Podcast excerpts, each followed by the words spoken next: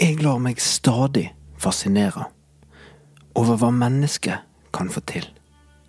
Vi har vært i verdensrommet. Vi har utvunnet vaksiner og flyttet barrierer for hva en trodde var mulig.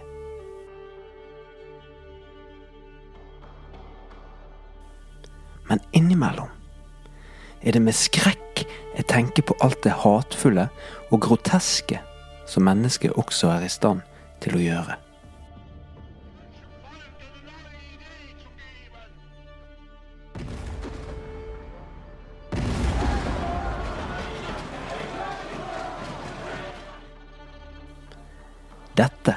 Er fortellingen om en av menneskets hatfulle sider, og hvordan den ser ut i dag.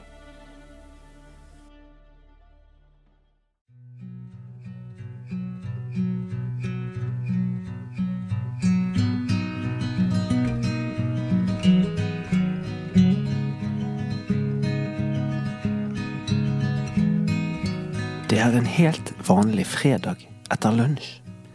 Jeg er på vei inn på kontoret og skal kort sjekke avisene for hvem som hadde mottatt Nobels fredspris. I stedet er det en annen overskrift som fanger oppmerksomheten min.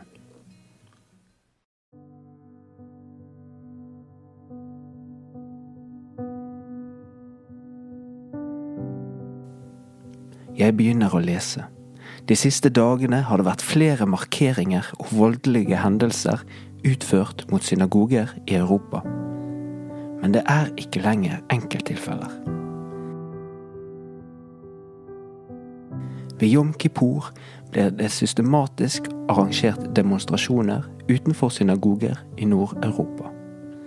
En handling som vekker uhyggelige historiske assosiasjoner til en tid hvor det jødiske folk ble systematisk forfulgt, også av kirken. Jeg bestemmer meg for å finne mer ut av dette hatet mot denne folkegruppen. Hva er antisemittisme? Hvordan oppsto den? Og hva er situasjonen i verden i dag, og hvordan kan vi bekjempe den?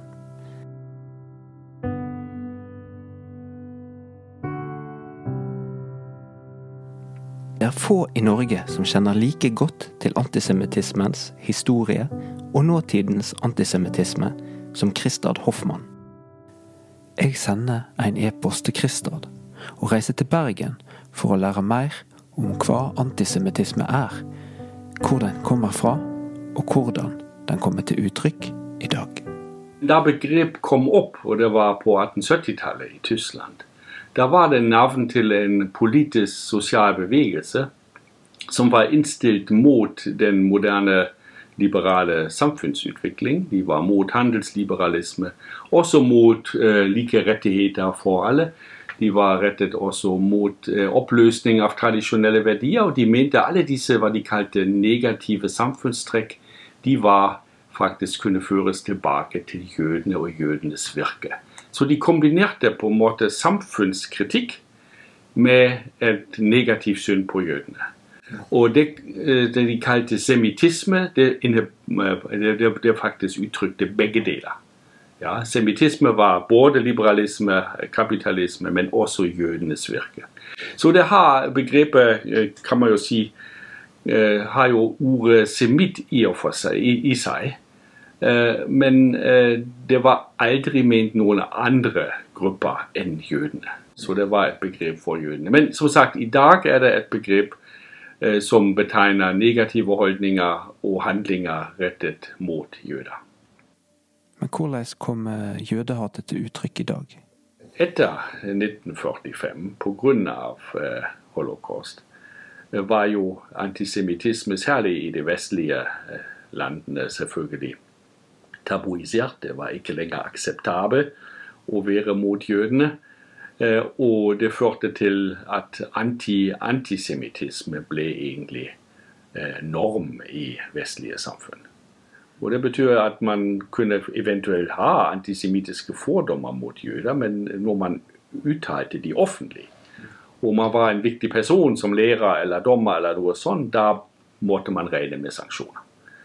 Eh, og jeg har jo selv opplevd det i Tyskland på skolen at det var mange lærere som hadde vært nazister og kanskje hadde veldig store forbehold mot jøder, men de kunne ikke uttrykke det, fordi da ville de miste sin stilling. Ja. Eh, men det var da etter krigen eh, og i den etterkrigstiden og opp til i dag, førte det jo til at antisemittisme kom bare frem i enten privatsfæren eller i marginaliserte høyreekstreme grupperinger særlig. Så i dag er det i hovedsak enten direkte knyttet til holocaust, og det er jo på en måte en paradoks, men det er jo en del antisemitter som mener at holocaust aldri har funnet sted. Og det hele var faktisk en stor aksjon av jødene, eh, en oppfinnelse av jødene for, for sympati. Eh, og disse holocaust-fornektere eh, er jo tydelige antisemitter. De finnes også i litt mer mindre form. Det er det da med en bagatellisering. Det var ikke seks millioner, det var bare to millioner. de de døde ikke pga. at man ønsket det, men det var sykdommer og sånne former av bagatellisering. En annen form av antisemittisme som man kan finne i dag, er jo knyttet til Israel. Eh, og eh, der man fordømmer Israel på prinsipielt grunnlag. Også det, eh, det, er jo en klar grense. Også Israel er en stat og kan kritiseres som andre staten også. Men når man argumenterer med at Israel er på en måte det uttrykk av det jødiske. Mm. Og at man forklarer handlinger til Israels regjering med å føre det tilbake til iboende jødiske egenskaper. Og der kommer jo ofte sånne, sånne forestillinger om eh, sånn, fra antijudaismen inn. Ja, de er hevngjerrige, eller eh, en øye for ei, tann for tann, og sånne forestillinger. Eh, at Israel er fortsatt preget av dette, da er grensen til antisemittisme eh, ganske flytende. Og da er det en flytende overgang fra det ene til det andre. I den undersøkelsen som Holocaust-senteret har gjort, eh, da har vi klar differensiert mellom holdninger til Israel på den ene siden og holdninger til jøder. Og Hvis man gjør det på denne måten, så kan man jo da regne ut om det finnes en viss overlapp. Og det finnes, men det er ikke veldig stor.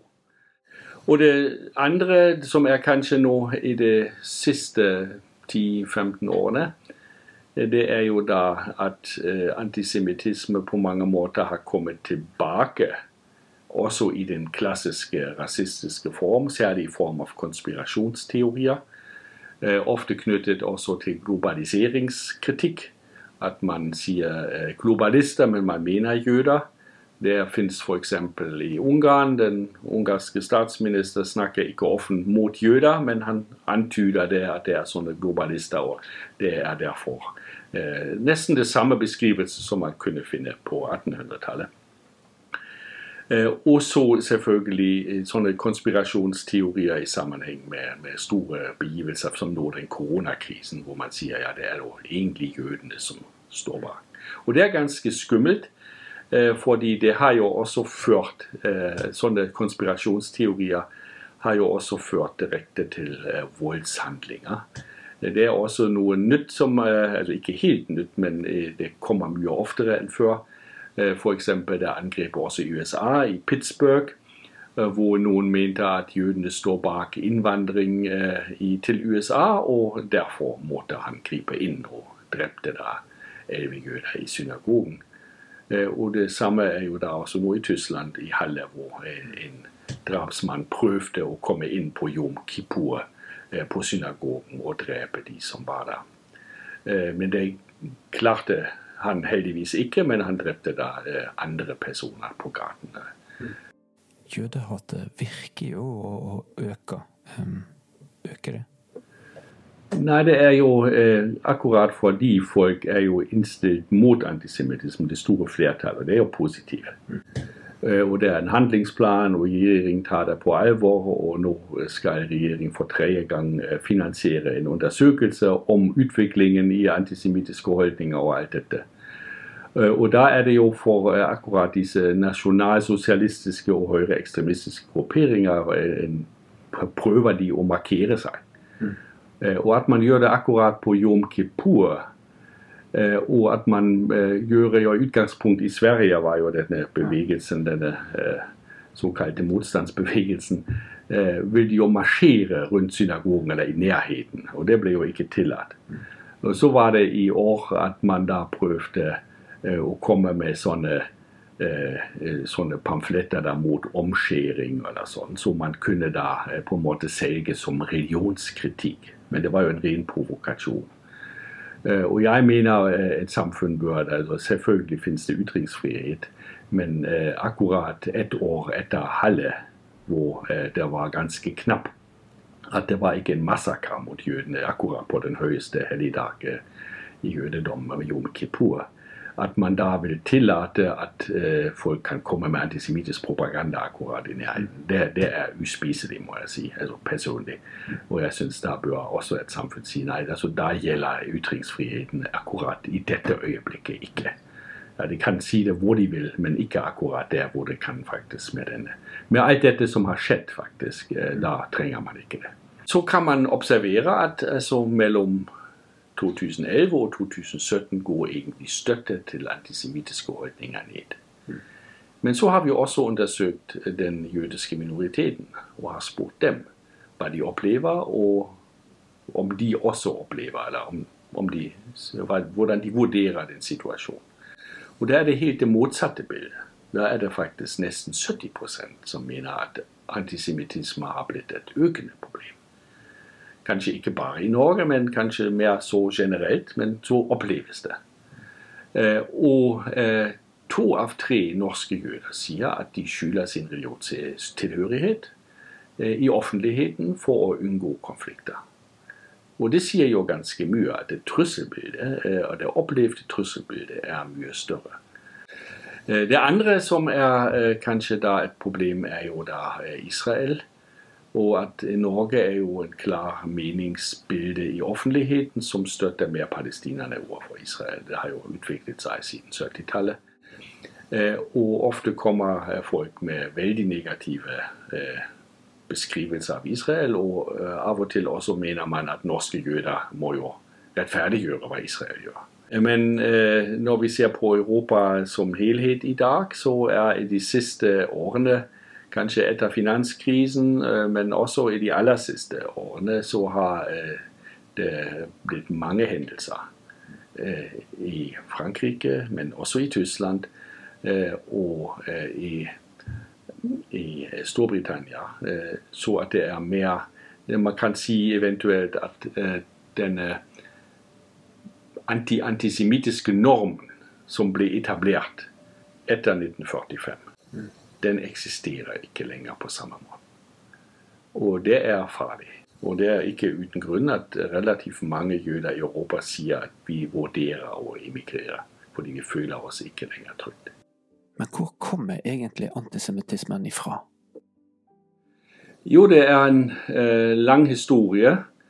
Eh, det I hovedsak eh, kommer jo antisemittisme som en ideologi som eksisterer også uavhengig av eh, om man har direkte eh, møte med jøder, eller om man kjenner jøder. Eh, har det sikkert å gjøre med den kristne oppfatning. Og den negative status og forfølgelse av jøder har ofte blitt begrunnet og legitimert med å henvise til akkurat det. Det er Kristusmordere. Så jeg tror denne form av mytos og denne form av negative forestillinger de eksisterte overalt hvor man leste Bibelen, og hvor man hørte teologien, og det er erstatningsteologi at kristen er nå de jødene og har overtatt den rollen i frelsesplanen. Eh, ja. Mm. Eh, den eh, fantes uavhengig om det var jøder. Mm. I, I England på middelalder hadde jødene ikke lov å være. Og likevel kunne Shakespeare skrive 'The Merchant of Venice' ja, med et eh, bilde av en jødisk uh, eh, orga Mm. Og Det betyr det er ikke koblet.